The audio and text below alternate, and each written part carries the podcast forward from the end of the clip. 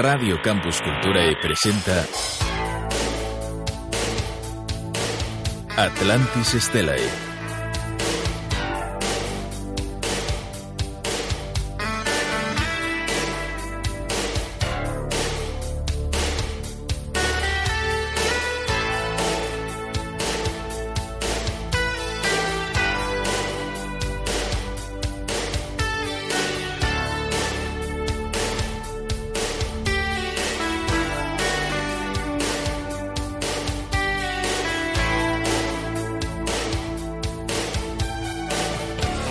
boas noites a todos, a todas. Benvidos unha semana máis a Radio Campus Cultura e a Atlantis Estela Este espazo de Radio Campus Cultura que pretende achegardes todas as noites, cada 15 días, os sábados de 12 da noite a unha e media da madrugada Pois un poquinho de ciencia, de historia, de entretemento, de conspiración Un poquinho de todo, podíamos dicirlo así.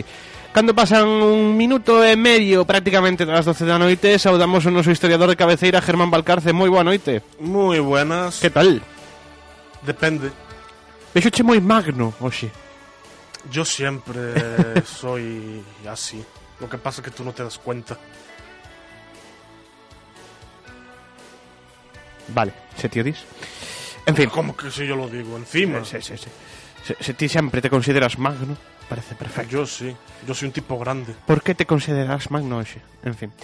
Un programa, como sempre, no que contaremos eh, con Germán. Virá despois máis tarde, alrededor das doce e media, Marcelo Safores, que non teño nada claro que nos vai traer esta semana.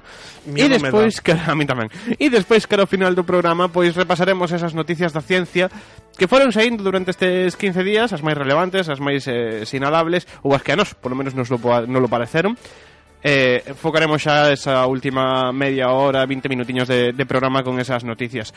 Germán, Magno ves y en Magno nos convertimos. Sí, porque hoy, como dije en el anterior programa, vamos a hablar de Alejandro Magno, porque es uno de esos descubrimientos de o no se ha descubierto, no se ha descubierto. Home, o personaxe está máis que descoberto, non? Digo eu. Si, el personaje sí, pero la tumba... Ah, non se sabe onde está a tumba. Ou sí, ou non. O tal vez. O yo que sé. Sí, pero... es que antes de hablar de la tumba, habrá que saber un poco quién es Alejandro Magno. Sí, contanos un poquinho, Germán. Yo que te iba a decir que me dijeses tú que sabías de Alejandro... A ver, Alejandro Magno ascendeu ao poder logo dunha conspiración para asesinar o seu propio pai, Filipo. Sí, ahora que fuese el instigador de la conspiración no, no se sabe, nunca se resolvió el caso. Bueno. Eh... Sería sospechas. Sí, sempre se sospechou de él e de Olimpia, sí. Eh, convertirse nun dos líderes máis eh, digamos, lembrados da historia pola súa grandeza, pola súa estrategia. Podemos falar, creo, dun dos eh, mellores estrategas da historia. Sí, porque de hecho una de las estrategias que más utilizaba Alejandro Magno es algo con lo que nadie cuenta a priori, que es atacar a la parte más fuerte de la formación enemiga. Claro, lo lógico es ir a atacar a la parte pues más débil, algún flanco que esté así más desprotegido y no directamente al centro de la formación donde está mm, el grueso del ejército. Pues claro, al hacer eso Alejandro Magno provocaba pues desconcierto entre las filas enemigas y de esa manera pues podía ganar más batallas. También hay que tener en cuenta que Alejandro Magno, allá a los sitios a los que iba, no era tomado, aparte que era un conquistador, porque fue un, fue un conquistador, no era tomado como un conquistador, sino más como un libertador del yugo persa. Que eso hay que tenerlo en cuenta. Por ejemplo, en Egipto, cuando llega a Egipto y libera a Egipto el control persa, Alejandro Magno es nombrado faraón porque lo consideran que los ha liberado del yugo persa cuando él ha hecho lo mismo que los persas, conquistarles. Sí, pero tiña unha estrategia tamén, digamos, civil, non solo militar. Fundó más de 10 ciudades con el nombre de Alejandría por todo lo que el territorio que conquistó. Sí, pero aparte de eso, digamos que usou un tipo de estrategia, digamos, eh, eh, civil guion militar para, digamos, aparte de conquistar pola forza conquistar tamén de maneira política e iso facía dun xeito moi curioso e pouco dado na época que era sobre todo respetar e e mm, ter certa, digamos, man ancha cas creencias e ca forma política dos territorios que conquistaba e que engadía o seu mm, a ver. Eso de tener manga ancha con la religión que se procesa en cada sitio es muy común en la Edad Antigua en todas las religiones politeístas. A ver si aprendemos. Ah, interesante. Hay otro tipo de religiones que no respetan. Pero no, no, vamos- no es el... No, no. Pero quero dicir que era tamén Sí, unha sí. forma, digamos, estratégica también de aquí- provocar sublevación. Quero dicir, el chegaba, respetaba, incluso creo, eh, igual podesme corregir, que hai, mm, digamos, textos que contan como Alexandre Magno pois digamos que incluso chegaba a orar a eses deuses das cidades a, ou dos territorios aos que chegaba para fomentar así o que él respetaba esa cultura. Sí, a ver, eh, no llegaba tanto a rezar, pero sí que, por ejemplo, fomentaba esa diversidad cultural. O sea, él se casó con una de esas princesas a priori extranjeras y de otra religión, como fue Roxana, del que tuvieron un hijo, que, bueno, ya se verá qué pasó con el pobre chaval. Bien no acabó. No, sa- esa historia seguiron así, ves? Pues, pero sí, por ejemplo, de Alejandro Magno, te sabrás la historia del, del nudo. Eh, sí, era muy práctico. un, un nudo gordiano, un nudo imposible de deshacer. ¿Qué hace Alejandro? Pegarle un espadazo y cortar el nudo. Sí, bueno, fin, digamos que todo... La leyenda decía que el que lo hiciese se iba a convertir en el rey de, de todo y que iba a derrotar a los persas. Y consiguió uno. Y lo consiguió, consiguió derrotar al gran Darío. Tamén tivo, digamos, ese tipo de xestos de Alejandro que se cadra forman parte da lenda ou non, non o sabemos. Lo nudo que probablemente sí es, es una especie de publicidad que hacen todos los todos los grandes líderes tienen así un, un mito para darles publicidad al igual que se dice la madre de hecho de Alejandro se lo dice mucho al propio Alejandro tu padre no es Filipo tu padre es Zeus sí. para que Alejandro se lo crea. Claro. E ademais, a ver, hai outros datos que chegaron ata nós, pero fíjate que todos teñen un pouco a súa forma de digamos, descríbennos a un Alexandre Magno máis práctico. É dicir, por exemplo, poño por caso tamén a anécdota que se sabe de da, do, do cabalo que se subiu que ninguén se daba subido. Bucéfalo. Foi moi práctico. Sí, tiene miedo su propia sombra. Movémolo. Que, que no vea su sombra y me subo.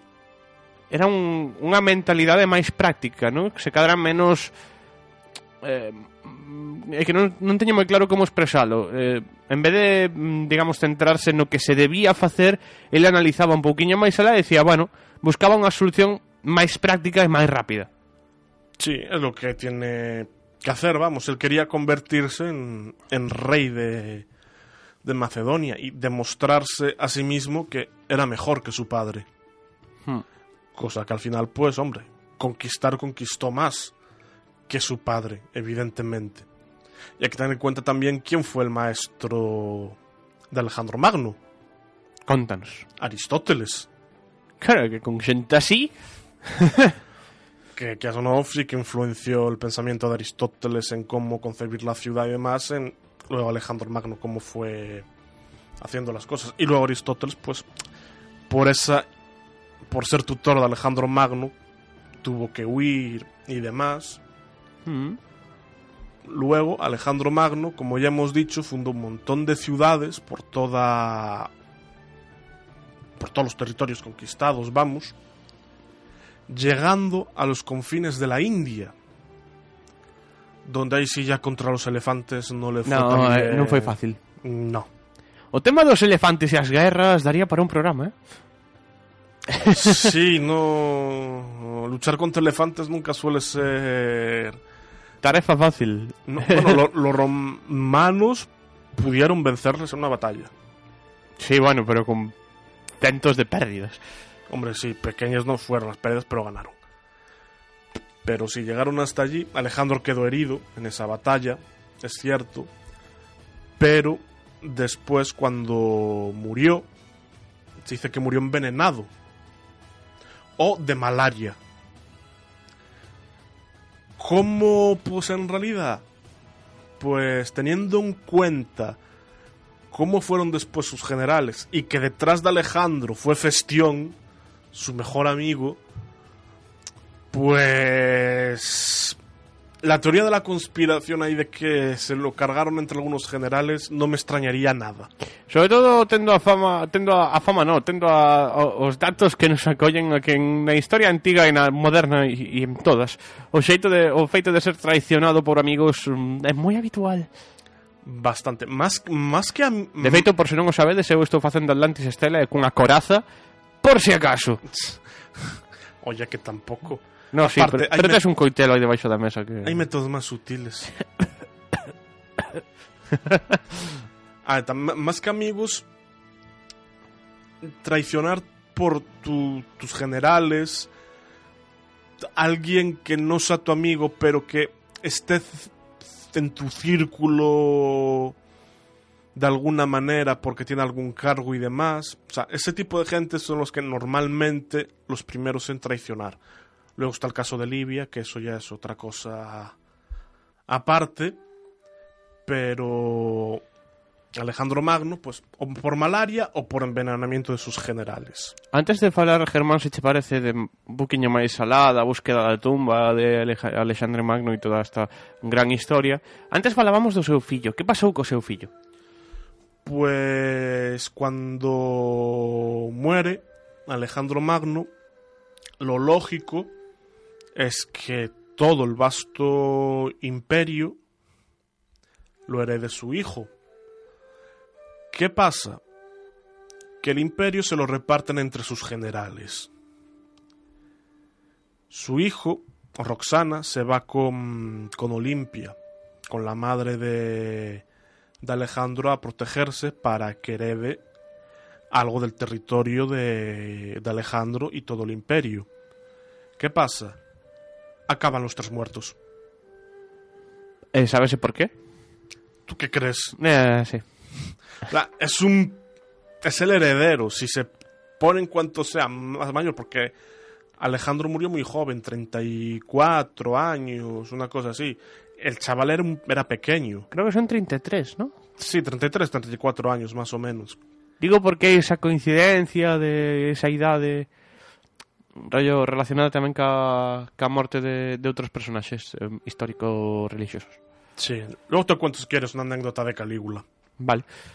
Pues ten en cuenta que si ese chaval vivía, se entrenaba y llegaba a una mayoría de edad y demás, podía reclamar el trono y muchos le seguirían.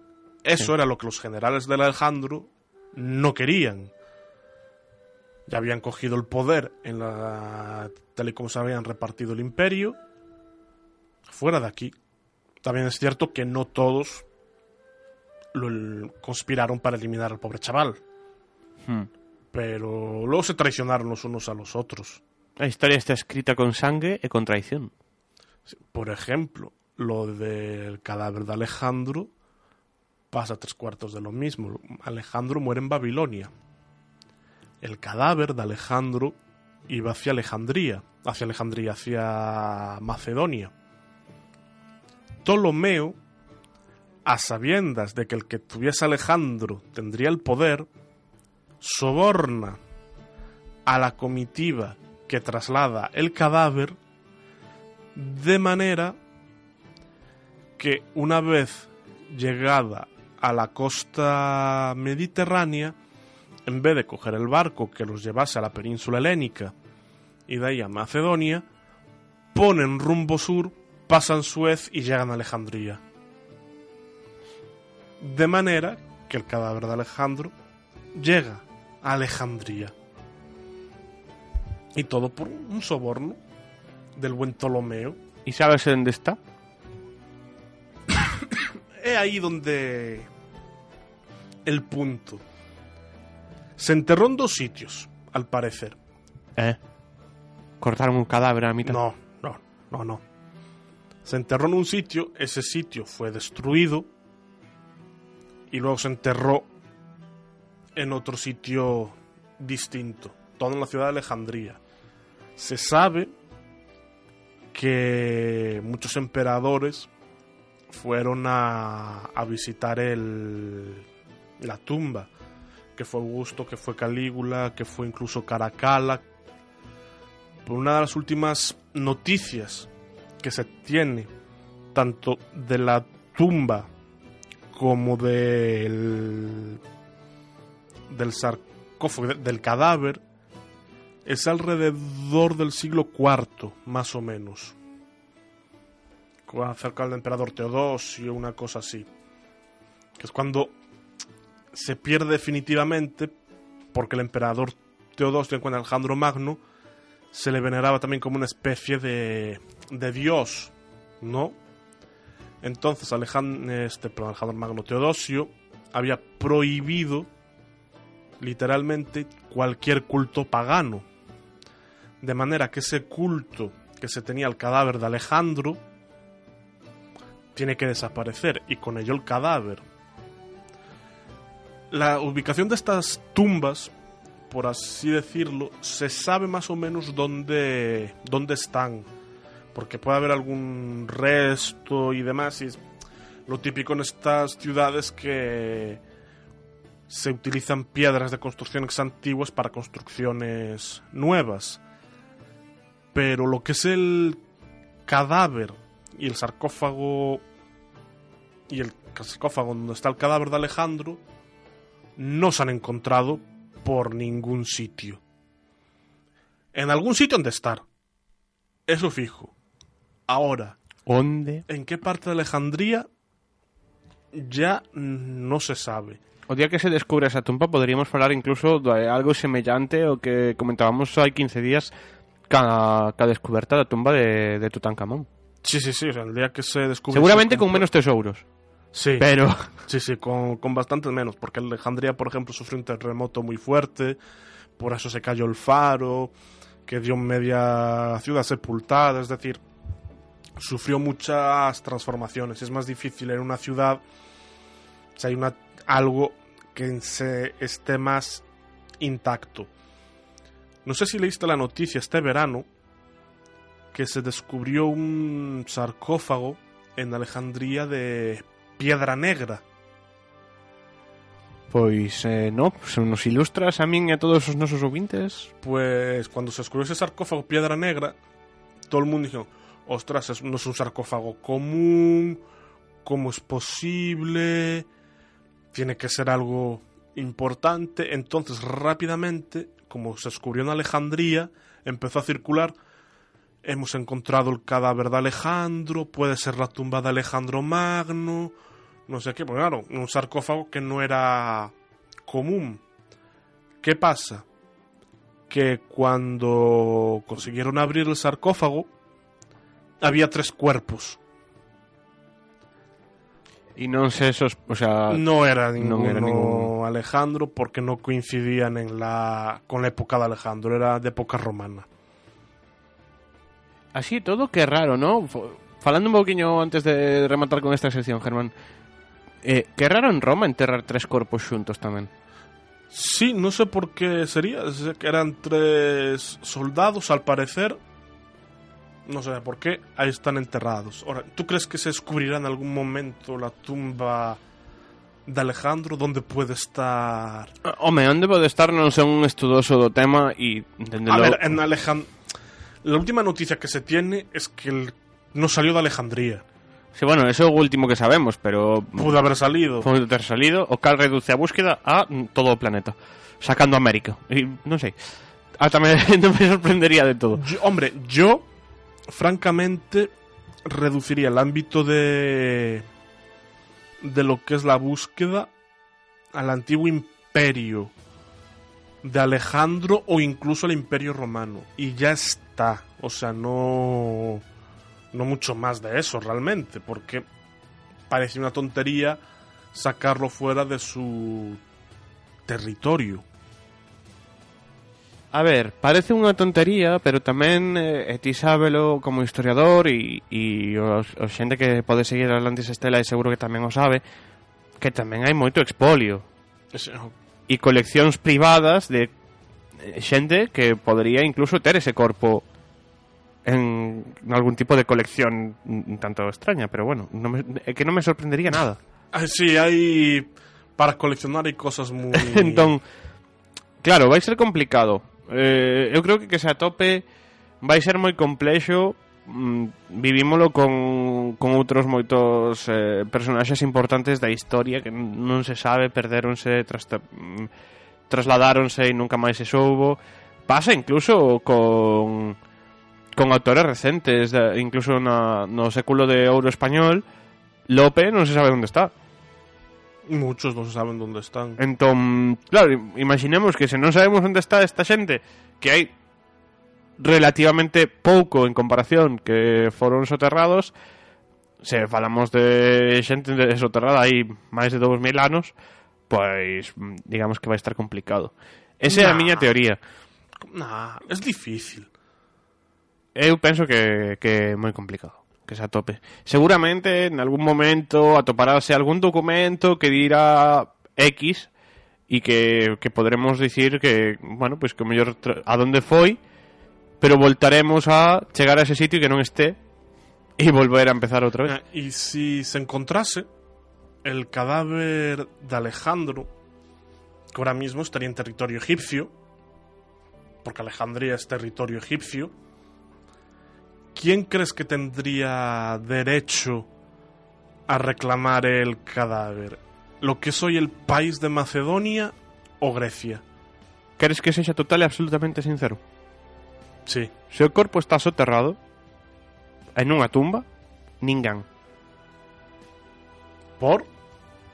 Porque debería quedarse donde está. Mm, bien. ¿Y si no?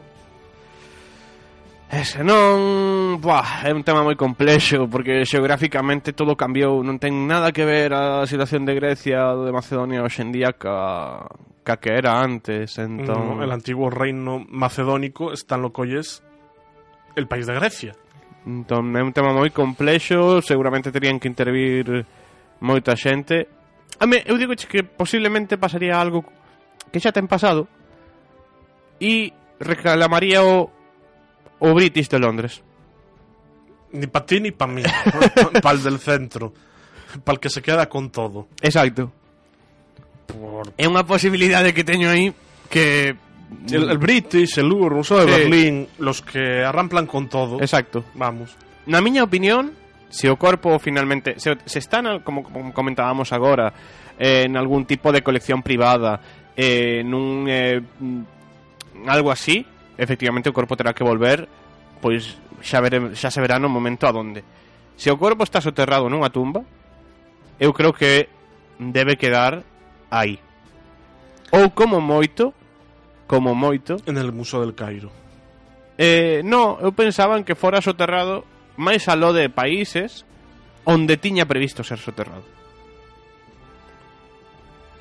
En la comitiva iba hacia Macedonia. Entón, por respeto a un dos grandes líderes da, da historia humana, vamos. Sí, porque fueron muchos los que después admiraron esa... Es decir, Julio César se miró en él. Napoleón, cuando fue a, a Egipto, cadáver no encontró. Eso es cierto. Pero el lugar de la tumba de Alejandro sí que lo encontró. Napoleón atopou, perdón, dicía, Napoleón atopou o a tumba onde estaba... El, el lugar, mm, en un estado tal, pero no había cadáver. O sea, el- lo que es el sarcófago el cadáver, había desaparecido ya.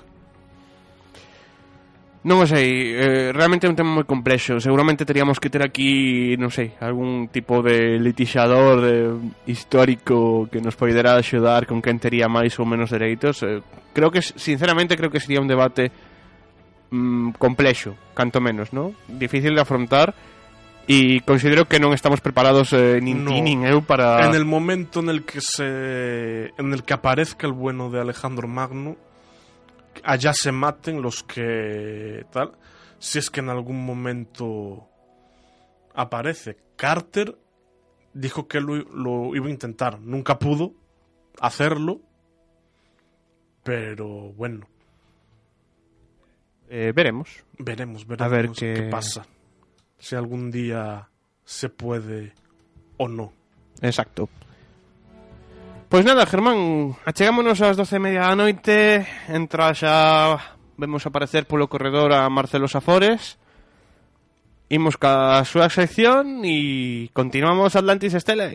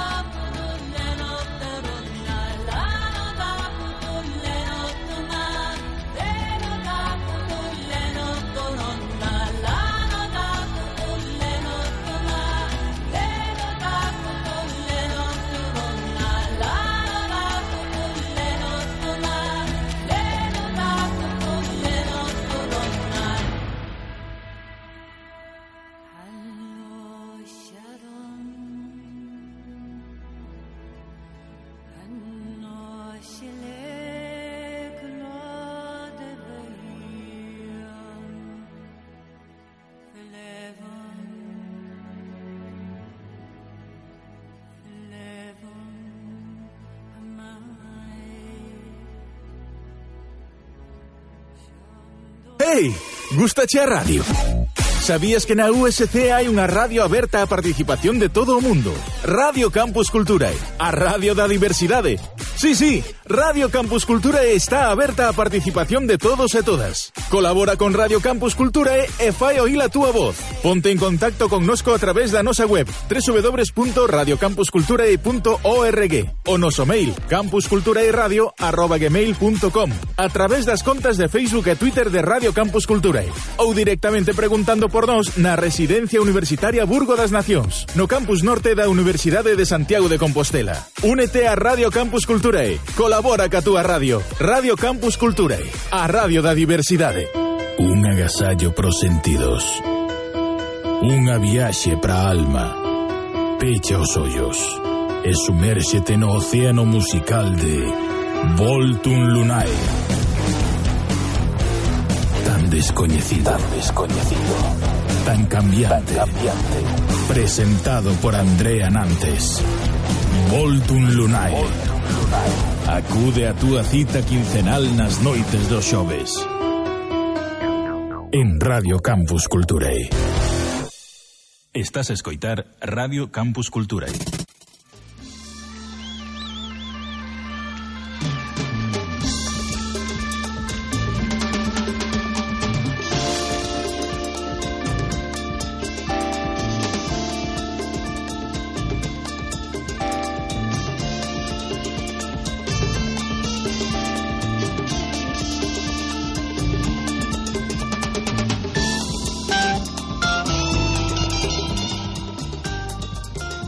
Continuamos Atlantis Estela e continuamos pasan uns minutiños das 12 e media da noite e xa está aquí, como sempre, este ano non chega tempo nin de broma Marcelo Safores, moi boas noites Muy buenas noches, Jonathan. Que no llego porque soy una persona muy ocupada. Claro, no, Pero sí, sabes que estoy, yo estoy como Dios en todas partes. Sí, e en ninguna y en ninguna, eso es verdad también. Eso es muy cierto. Escoitaches algo da sección de Germán de antes? Eh, No, no, pude, sinceramente. Fala, estivemos falando, por facer así un pequeño resume de Sí. Alejandro Magno Ah, hombre, Alejandro Magno. Muy Sí, bien. señor. Sí, sí, sí. E tiaxamos agora, falábamos de Alejandro Magno, Grecia, Macedonia, o Imperio Persa, creo que ti teres algo preparado, pero do outro lado do charco. Sí, a ver, eh, yo lo que quería hoy era plantear un poco el tema de lo que es la magia negra en la política, ¿no? O sea, eh, eu faría ya algún, pero aparte de eso... Sí, sí, a ver, la magia negra, los conjuros, los ritos, bueno, el espiritismo, todo eso. Lo que ocurre es que eh, luego de muchas investigaciones y de muchas cosas que se han hecho por allí, eh, parece ser que donde más se da este fenómeno es en México, ¿no? Hombre, México sempre estivo bastante relacionada, ¿no? Co tema de todo que ven sendo o espiritismo, teñen unha, digamos, sensibilidade moi alta para este tema. E tamén para os temas de vudú e estas cousas sempre foi así un país que estivo moi relacionado. Sempre tivo aí esa esa aureola que o rodea de un país dun, dos máis misteriosos do mundo. Sí, porque bueno, no sé si se tendrá algo que ver un poco con la tradición eh, de, de- de la- de las civilizaciones que se dieron en territorio mexicano, que hayan dejado un poco un- una secuela, ¿no? Ah, eu penso de, que sí. de, de- de todo esto. Igual que en Estados Unidos hai un pouquiño tamén esa, digamos, eh, ese halo de misterio de alrededor das tribus indígenas. Claro. Eh, pois en México, Me en parece México que pasa un poquinho con, igual. con los mayas y con los aztecas ahí en, en el Yucatán y en toda esa zona, yo creo que han dejado, han dejado su legado, ¿no? Un poco dentro, digamos, de las sociedades modernas.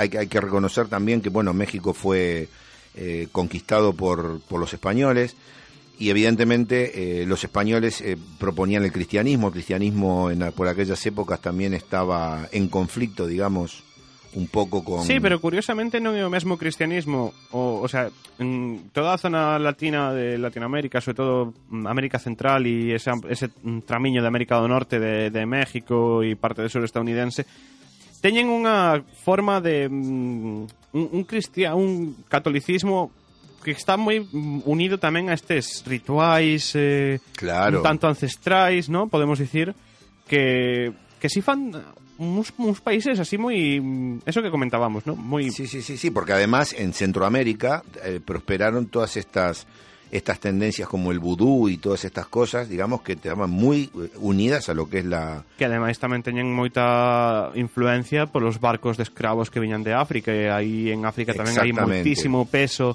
de rituais de iniciación, de rituais de, bueno, de todo tipo, ¿no?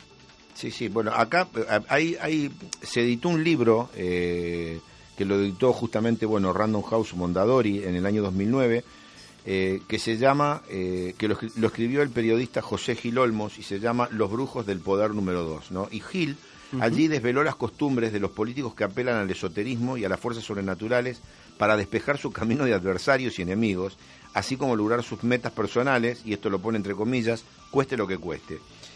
En su primer libro, porque esto es una segunda parte que se llamaba Los Brujos del Poder 1, Gil describió las andanzas y peripecias con brujos, hechicerías y pócimas de Marta Sagún, que era la esposa del ex vicepresidente, del expresidente Vicente Fox, que fue un presidente muy conocido. Iba a decir, en que época estaríamos? Esto estamos hablando de hace poco, ¿eh? de, los fines de los 90. A mí me eh, sacas de- de Raúl Calderón y... me- no, no, Vicente Fox fue hace, hace muy poco, claro.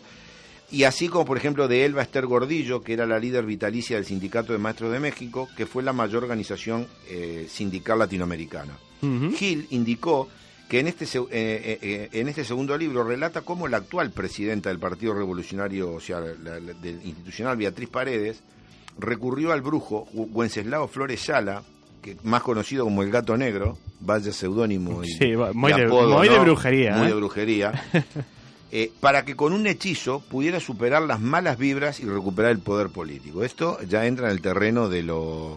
de- de- ya no sé si llamarlo friki o... Eh, o- eh, preocu- eu usaría o término o surrealista y preocupante. preocupante, totalmente, ¿no? Porque claro, eh, uno piensa... Porque ademais, Que en estas manos están los 70, 80, no sé cuántos millones de habitantes vos- tiene México. Pero... No, aparte de eso, vou lanzar outro debate.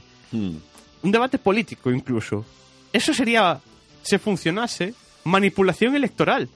Además, pero mira, el autor en el libro cuenta cómo el brujo que atendió a Paredes, a Beatriz Paredes, la llevó a un lugar sagrado en un bosque cercano a Catemaco, La llevó a en un el- bosque. en el no estado de Veracruz, escucha, donde realizó un hechizo de magia negra e invocó a los espíritus de los grandes hombres para que le ayudaran a alcanzar el poder que deseaba. Asimismo, Flores Yala afirmó al autor que rezó a la Santa Muerte para reforzar los planes políticos del actual, de- del que era en, en ese momento el líder nacional del PRI. Dice, la llevé a mi templo y ahí realizamos el rito. Sacrifiqué una gallina negra y lancé los conjuros necesarios. Eso Dijo el brujo, reveló el brujo al periodista que escribió Esa el libro, frase ¿no? de la llevé a mi templo y allí realizamos el Sí, rito. sacrifiqué la gallina negra, es un poco ay. cogido de los pelos, ¿no? Pero bueno, el hechicero Ya no estamos en horario infantil, así Sí. que... El, el hechicero explicó que los conjuros se prolongaron por nueve días seguidos para que Beatriz Paredes tuviera poder y para hacer a un lado a sus enemigos. Y el brujo consideró que el cargo eh, y el poder que ostentaba en su momento Paredes era el resultado de la intervención de su magia. O sea que a- atribuyó su éxito político. quiso elevar un mérito. Bueno, o levouse claro, mérito, claro. ¿no? A ver, eh, esto, digamos, lo que nos demuestra un poco que la clase política mexicana es, es muy inculta, evidentemente, ¿no? Eh, Gil destaca que el libro muestra que la clase política es así, inculta, y que además demuestra el, un, un momento de crisis, digamos, que donde eh, se apela Pero la clase al, política... al misticismo y al esoterismo en lugar de a buscar las soluciones. Opino Marcelo, a clase Sí. política ao fin e ao cabo representa un pobo e un pobo o, o pobo mexicano ou hondureño ou nicaragüense, bueno, toda esta zona sempre se caracterizou por ser un pobo moi eh, dado á superstición. Sí, sí, pero cuidado porque tú estás haciendo acá una, una valoración eh, que yo sé que tú no la haces de manera peyorativa, pero sí haces una valoración de que la incultura o algo puede estar en esa zona de América, Ah, no, pero, pero, sin embargo, non o cuidado, determino como incultura, No. quero dicir que é un- unha, unha parte da súa cultura sí, está é- ligada a está eso. ligada a ese tipo de creencia. É como se me dixeran a min pois que en España estamos ligados ao catolicismo, pois eh, efectivamente, que é o que hai.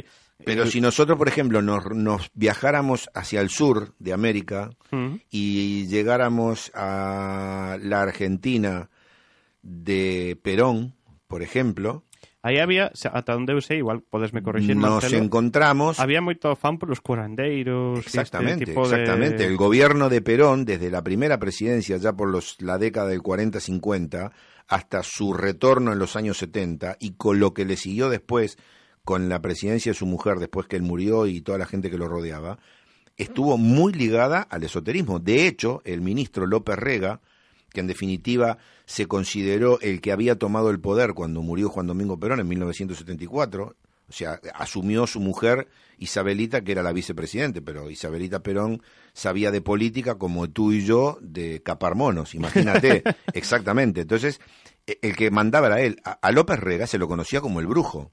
Mm. ¿no? Y, era, y, se, y se sabía perfectamente en, en el ámbito que era un hombre muy eh, proclive a participar en, en este tipo de... Sí, sí, pero sobre todo eu quero deixar claro que cando falaba antes de que a tradición e que ao fin e ao cabo representan unha, unha sociedade, non o decía dende un punto de vista da incultura, que no, no, a súa no. tradición é unha tradición moi vinculada ao esoterismo, a este claro, tipo de... pero eso trasladado a, a, a estas épocas modernas podría ser un índice de cultura.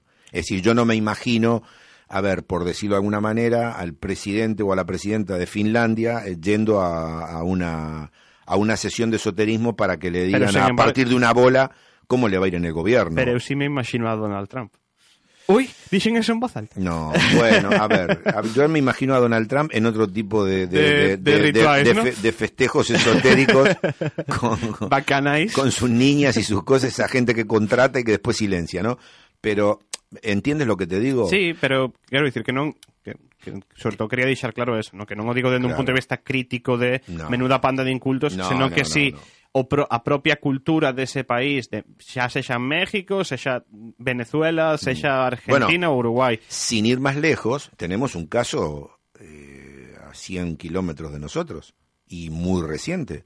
La jueza de Lugo Es verdad. que, Es verdad que- le un periodista le hizo una investigación y la tía echaba el tarote Sí, en verdad. su casa. É verdad, é verdad. Que decir, sí, porque de feito Galicia tamén estivo sempre No. moi vinculada a este esoterismo e a esta... Claro. Quer decir, ao fin e ao cabo todo é global. Eh, máis alá da globalización que vivimos hoxe, todo foi global sempre. Eh, Argentina, eh, eh, bueno, toda Sudamérica, Latinoamérica, veuse influenciada por toda a xente que viña de pois de España, de países de, de esta mm, índole, digamos, ¿no? De, mm. de Italia, que traían esta cultura, o incluso de antes, de, de, barcos de escravos, o que comentábamos antes, que chegaron a México e Estados Unidos, onde o poder, por exemplo, do vudú ou de religións africanas tamén ten certa forza. Todos sabemos que, por exemplo, New Orleans ten ese toque Claro, tamén claro. certamente mm, budista. De feito, creo que hai unha rama de vudú que se Do- eh, origina eh, esas son, directamente en New son las, zonas americanas donde la cultura española tuvo más, más arraigo. Texas, Sí.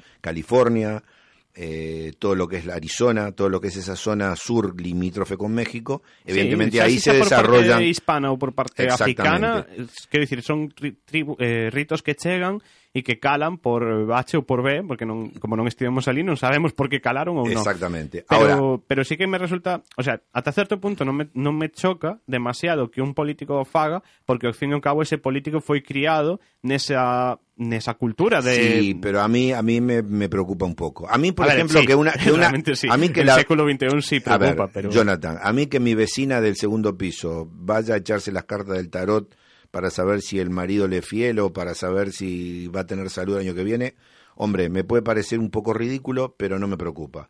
Pero sí me preocuparía enterarme que el presidente de mi país, eh, cuando tiene que resolver un problema, va a echar las cartas del Sí. ¿No? Sí. Porque, a ver, esto es como, ver, mí que esto es como ir en un avión y enterarte que el piloto va borracho. Sí. Lo mismo, ¿no? A ver, a min o feito de que fagan rituais co obxectivo de que lles dé sorte, pois mira, tampouco me preocupa en exceso. Quero dicir, a sorte todos sabemos como hai que tratala, incluso creo que en algún programa del Tren de Medianoche falaste de sorte e de este tipo de, Sí. de temas. A min esa parte non é a que máis me preocupa, si me preocupa que recurran a calquera tipo de, de ritual, porque tamén deixa un pouquiño cale a súa moralidade, ¿no? Quero dicir, por exemplo, falábamos antes desta dirixente mexicana que non tivo ningún tipo de recato nin problema en ir a facer un ritual teóricamente inspirado cara a parte, digamos, maligna da maxia, ¿no? Eso, Por, por ejemplo, eh, se- según este libro, ¿no? que- que hablábamos de este periodista de Gil, eh, el, el Genaro García Luna, ministro de Seguridad Pública Federal de México, en su momento, cada vez que salía a alguna misión se encomendaba al ángel de la muerte, que era una figura que, según el autor del libro, tiene un altar instalado o tenía un altar instalado en su oficina junto con otra de la Santa Muerte. Un personaje que se perfilaba como contendiente para las elecciones presidenciales de 2012, Mm. e- este, este paisano. sí. Eh, y él, él, por ejemplo, que, que fue el famoso Enrique Peña Nieto, ¿Mm? quien, según el autor, confiaba en una profecía de una vidente que predijo hace muchas décadas que un miembro de la organización Alto Comulco, a la que supuestamente él pertenecía, se convertiría en, presi- en presidente. Bueno, eh, ¿Qué, qué me dices de esto? ¿Acertó o no acertó? realmente en palabras. Te dejo sin Acertar, palabras, acertou, ¿no? Porque foi presidente.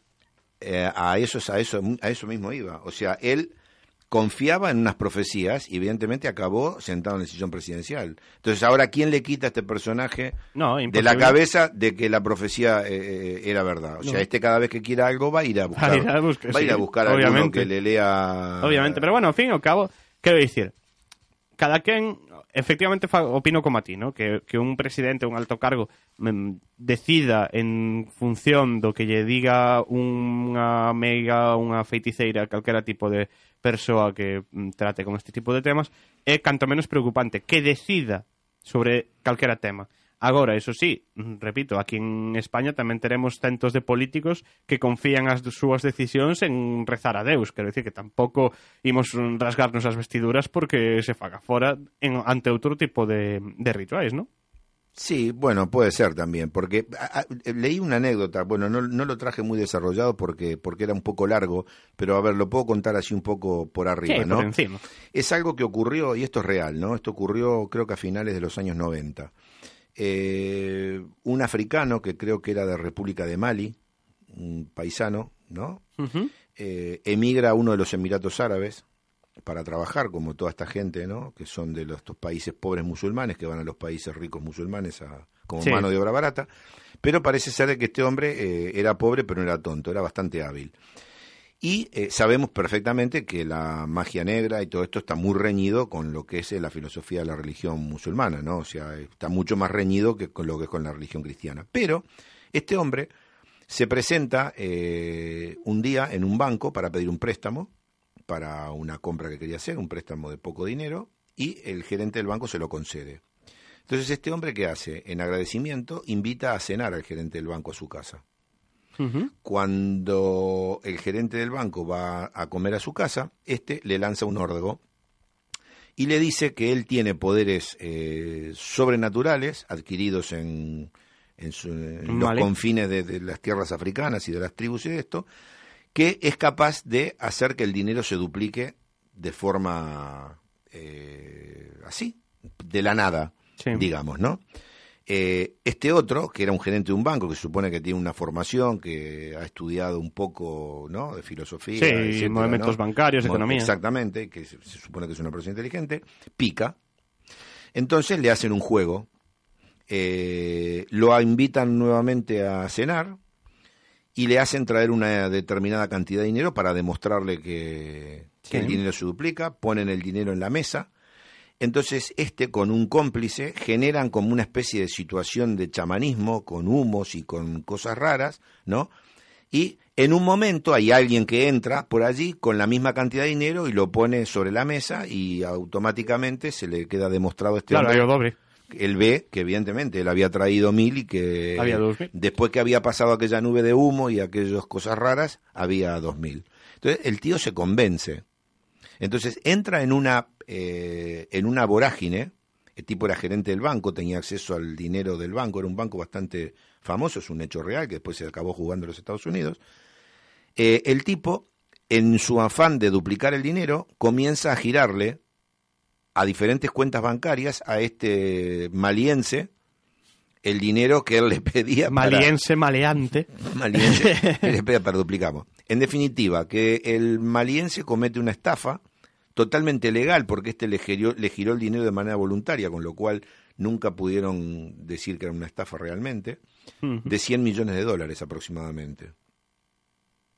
Vaya.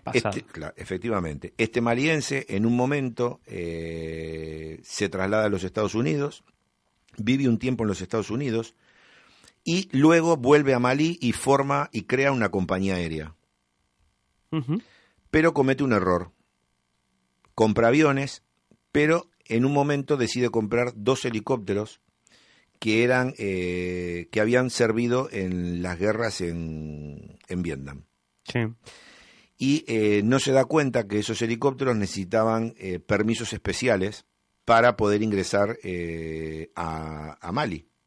Ah, o mira. sea, él compra los helicópteros, los compra de manera fraudulenta, con lo cual los tenía que ingresar de manera fraudulenta en Mali. Sí. Eh, pero no era como comprar un avión que ya lo había hecho de manera fraudulenta y que no había habido ningún problema para registrarlo y para ingresarlo. Estos eran necesitaban unas especies de aprobaciones, no sé si de los Estados Unidos o de bueno, de instituciones a nivel armamentística. Eh, ¿Qué ocurre? Él encuentra una traba y él decide sobornar a un funcionario Sí. y ese soborno salta. Por algún motivo se da a la luz. Y eso es lo que lo hace a él caer y lo, lo encarcelan. por algo. Y lo encarcelan. Pero creo que pagó una multa de un millón de dólares y quedó libre.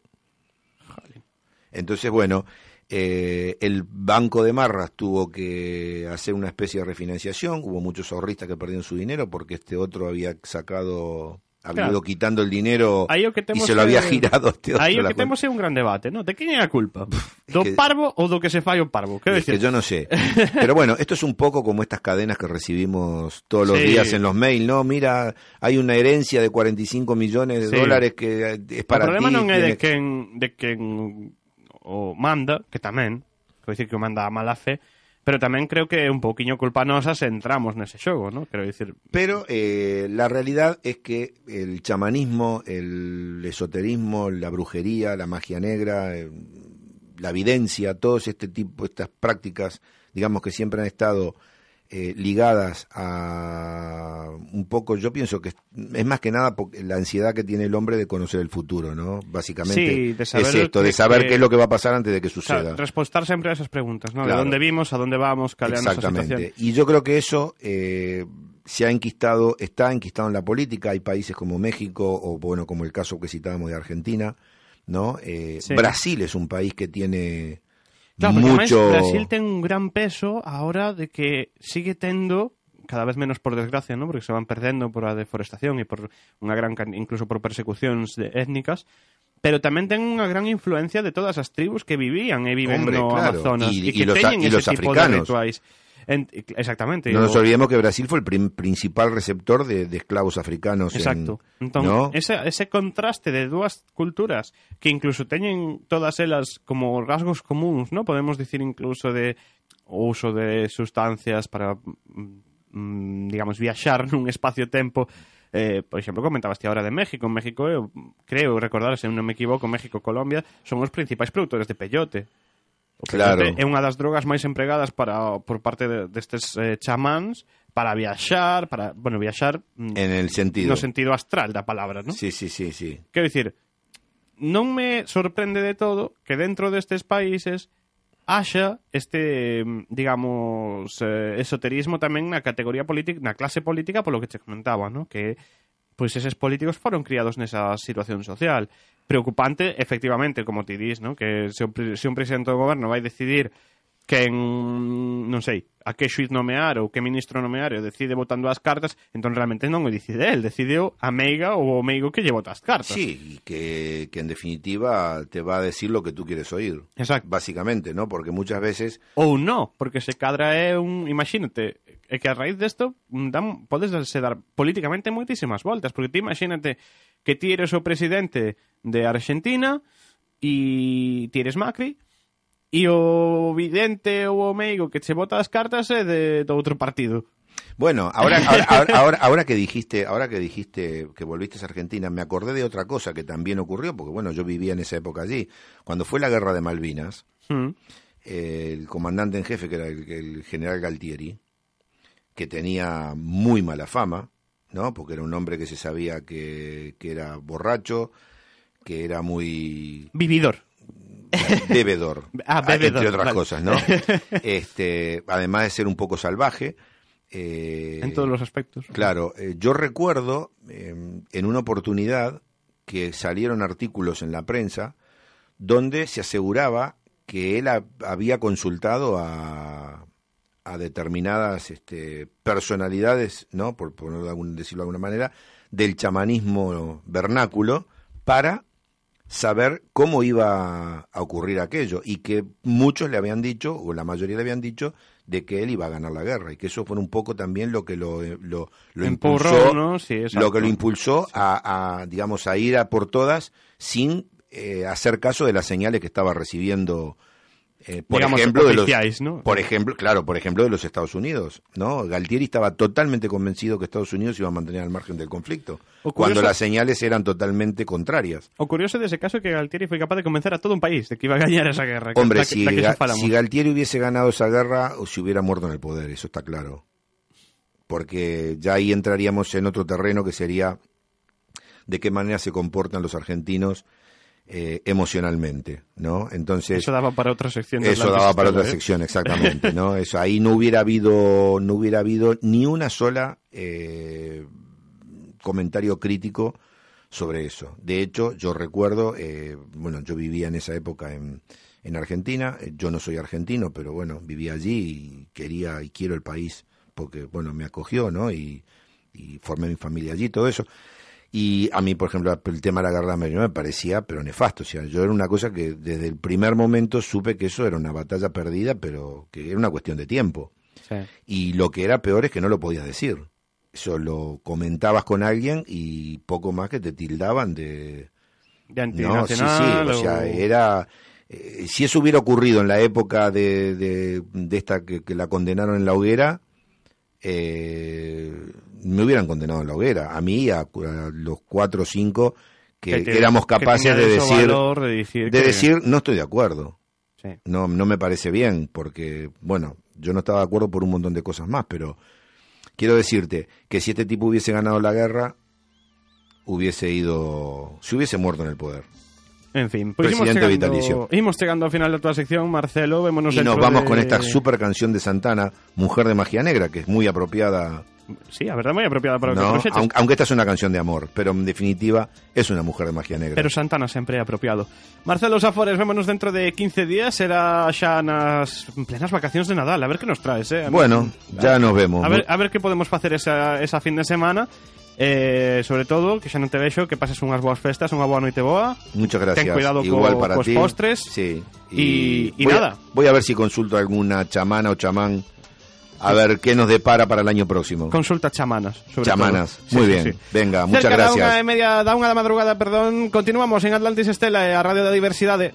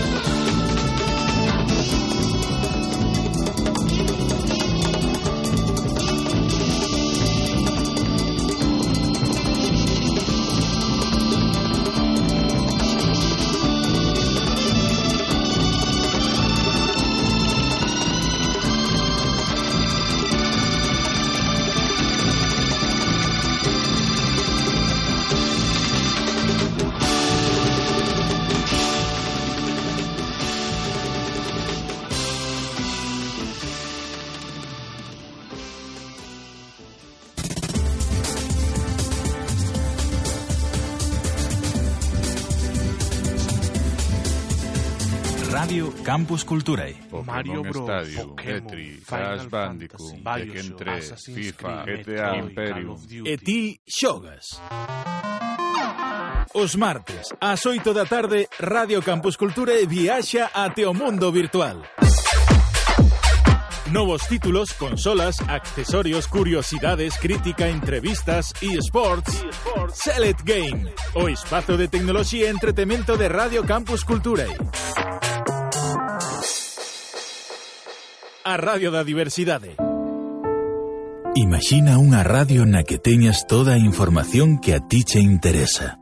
É combinada con deportes, con humor e tamén con contido sobre cine, series, literatura, arte e música. Moita e boa música. Imaginas que fose posible unha radio así? Pois claro que é posible. E xa existe. Chámase Radio Campus Culturae a Radio da Diversidade. O que pasa é que Radio Campus Culturae non está no aparello de radio de sempre. Sintoniza Radio Campus Culturae na web www.radiocampusculturae.org ou a través de aplicacións como TuneIn en dispositivos móviles e tabletas. Seguro que atopas ese programa que estabas a buscar. E senón, tamén te podes unir a nós e colaborar na creación de novos contidos. Radio Campus Cultura está sempre aberta a participación de todas e todos. Radio Campus Culturae, a radio da diversidade. Se queres porte en contacto co programa, faino por medio das seguintes vías. Correo electrónico atlantis.estelae.rcc.gmail.com ou búscanos tamén no Facebook Atlantis Estelae.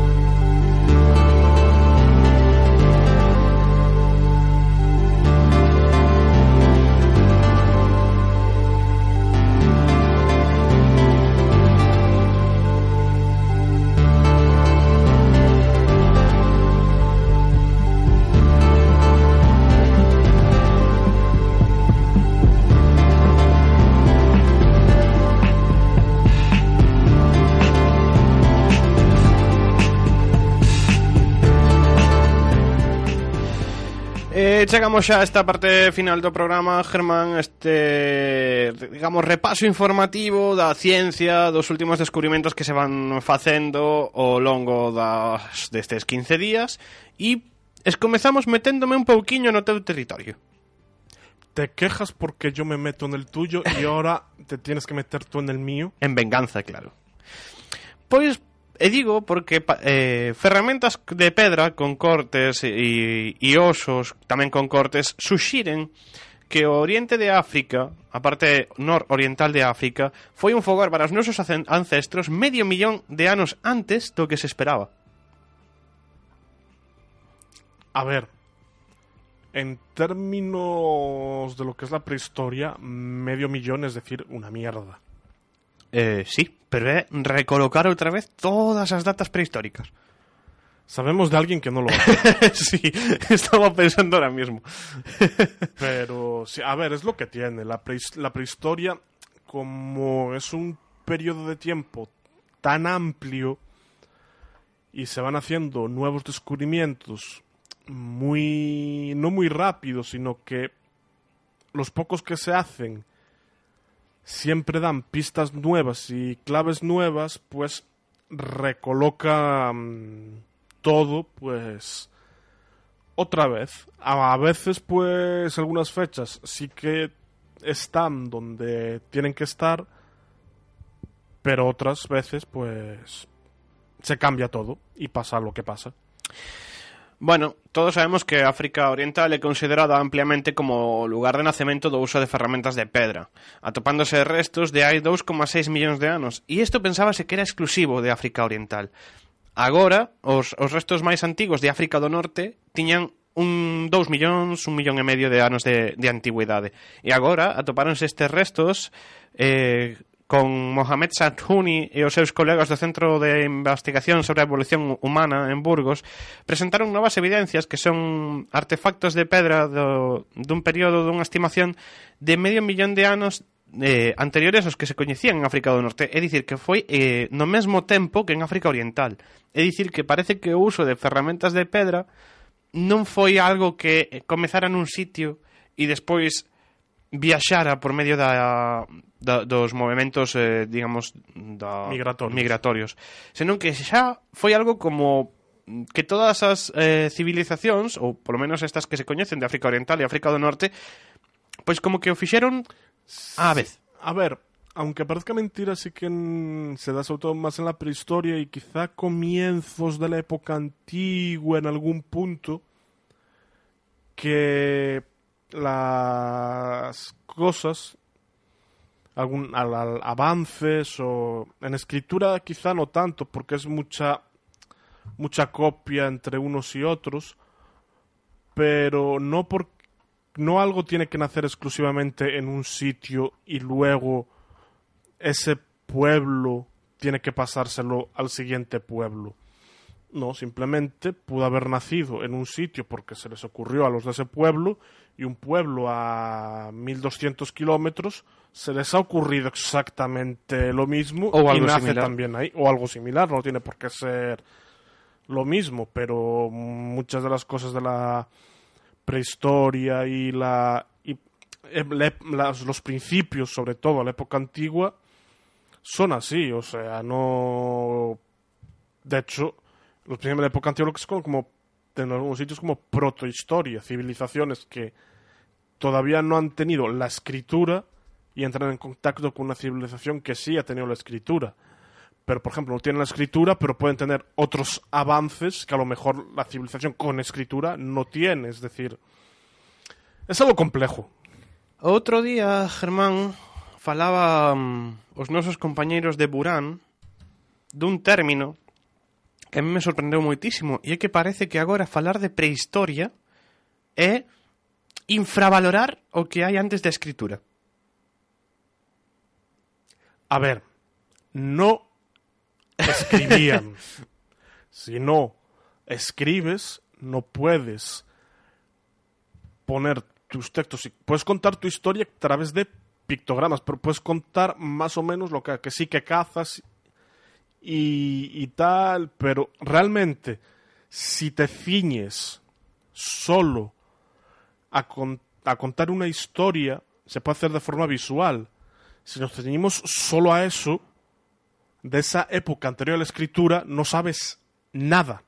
Porque tienes que guiar solo por las pinturas rupestres, vas de culo. Literalmente. El eso que comentaban de algúns investigadores é que os povos tiñan historia, aínda que non tiveran... Eh, A ver, una historia se tiene, pero me refiero, hay que poner el, el corte en algún sitio y el nacimiento de, una escritura para, para poner por escrito esa historia que te están contando es un corte necesario. Porque si no lo pones y consideras todo, entonces que pone historia antigua y eso que es historia preantigua. Mm, em, em, Pois pode ser, historia preantiga. Bueno, Germán, que che parece se agora que falamos da parte terrestre viaxamos até o espacio? Bueno, tú siempre estás en el espacio.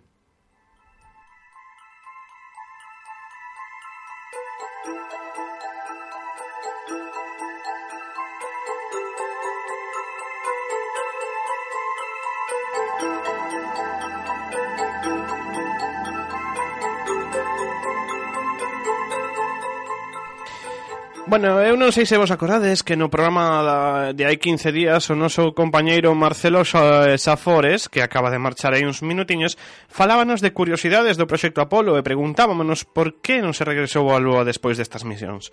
Pois ben, parece que a NASA escoitou o noso programa e acaba de seleccionar nove empresas estadounidenses para crear un servicio de carga cara á superficie lunar, o que se considera un paso previo a, no, a unha nova exploración do noso satélite e un paso previo tamén a noso camiño cara ao planeta vermello cara a Marte.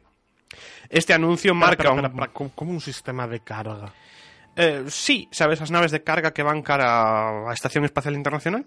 Sí, o sea, que van a llevar allí, como van a crear una base lunar. Con colonos para Mm. non vivir allí. sabe. Yo me apunto, ¿eh? A Luna está demasiado cerca para min. Quero algo máis longe. No sé, yo con tal de salir de aquí. Este anuncio marca un progreso tangible no regreso de Estados Unidos cara á superficie do noso satélite, segundo dixo un dos administradores da NASA. E é verdade, este feito de que a NASA volva a preparar naves de carga, que volva a presentar este tipo de proxectos, pode significar un regreso, que casualmente parece que, como dicía antes, que, no, que nos escuitaron a semana pasada.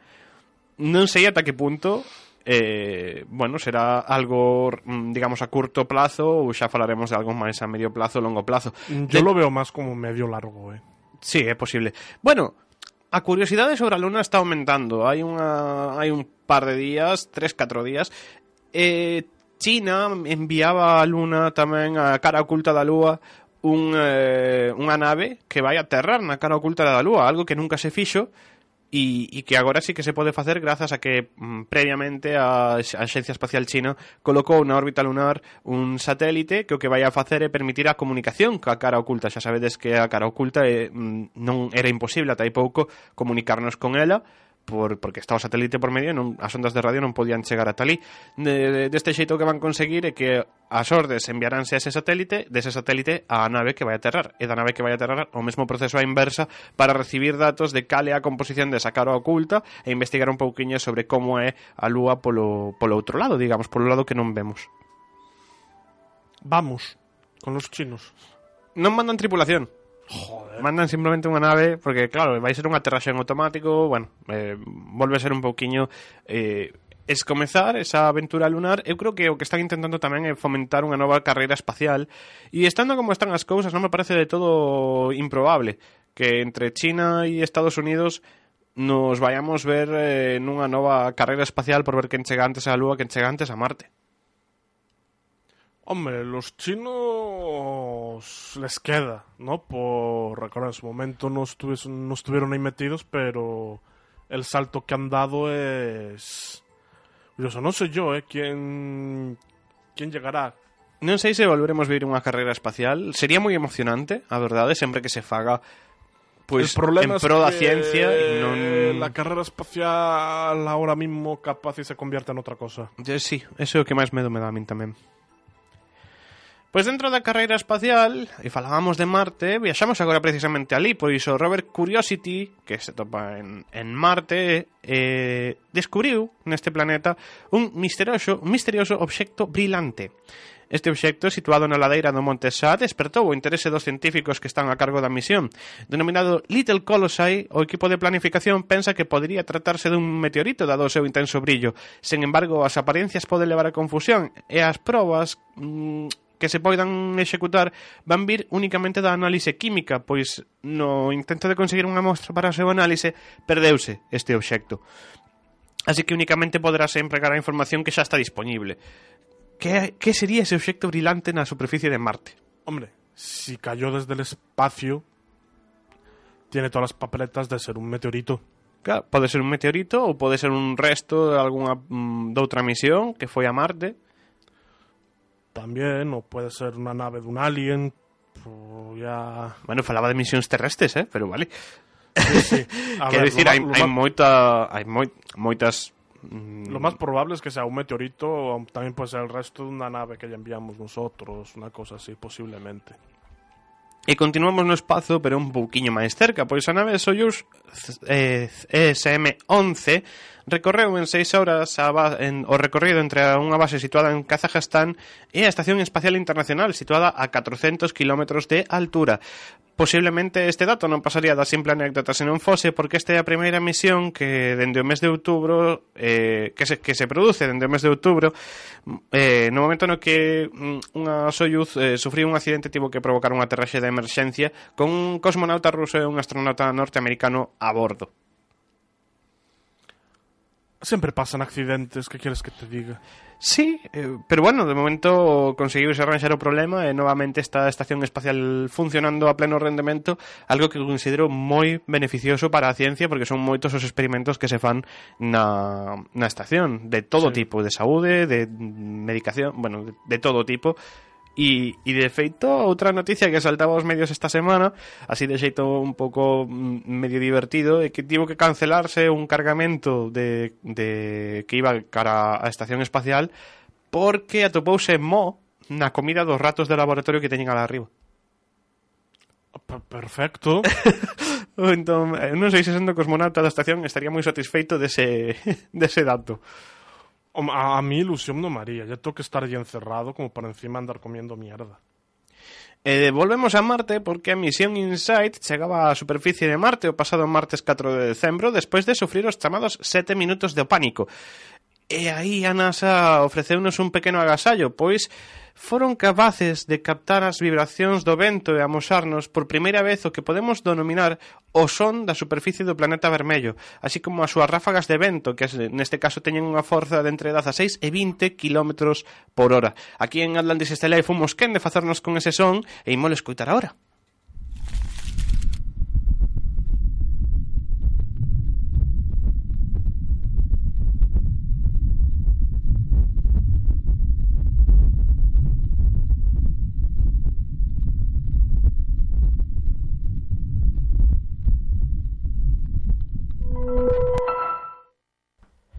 Eu non sei vos, pero aquí dentro do estudio sonaba espectacular. Era unha sensación como que vibraba todo o estudio. Sí, pero sigue siendo viento.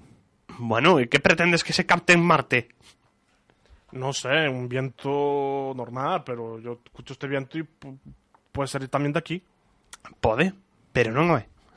é, un, é un son que esta nave da que xa falamos a semana pasada que ten como obxectivo investigar eh, o interior do planeta vermello. Vai facer un, un burato creo que son aproximadamente entre 3 e 6 metros de, de profundo para averiguar se queda, vi, se queda vida sismolóxica vida, digamos, a nivel planetario dentro de Marte e non é un planeta, digamos, morto, o sea, a Terra planetariamente está viva, xira, ten un núcleo que se move, ten un, unha, mm, uns movimentos tectónicos, isto servirá para saber se Marte tamén está neste proceso ou se é un planeta, digamos, apagado. E imos afrontar a última parte da, destas noticias, Germán, voltamos cara á Terra.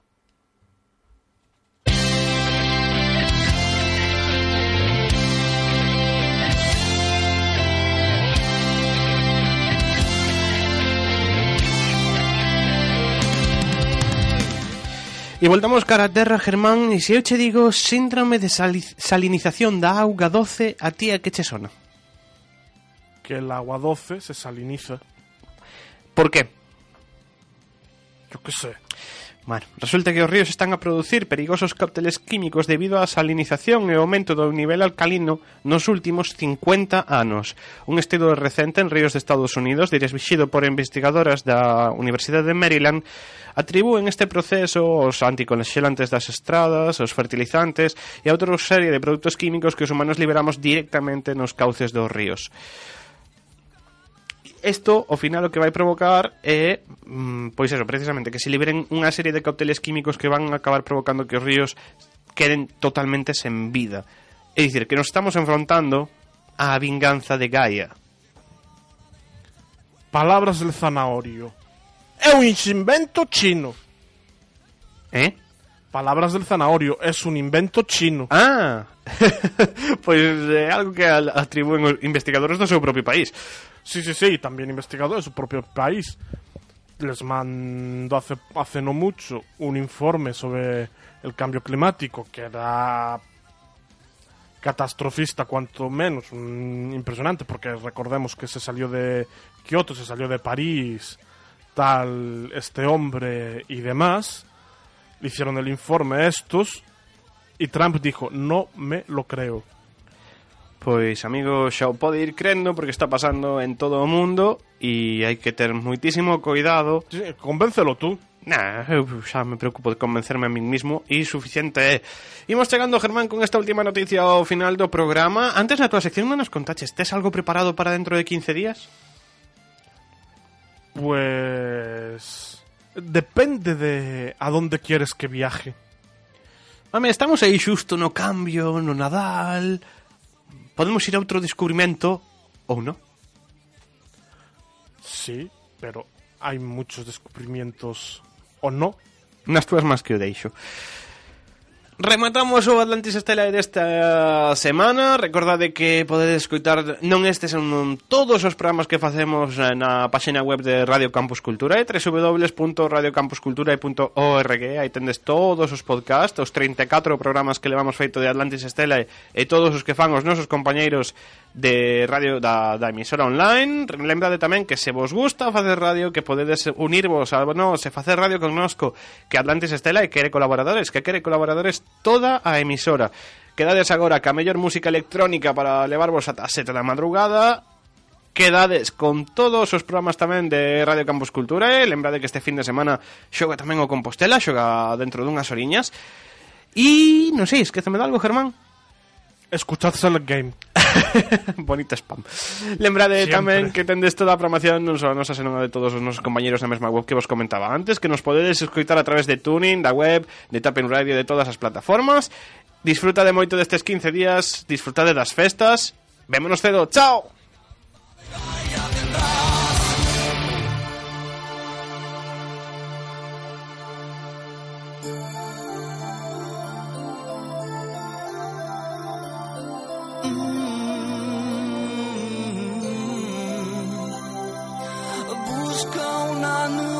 su amor y ver que la acaban de asesinar. Ha muerto a golpes de sin razón, solo quería su piel y no entiende por qué si ellos tienen piel matan.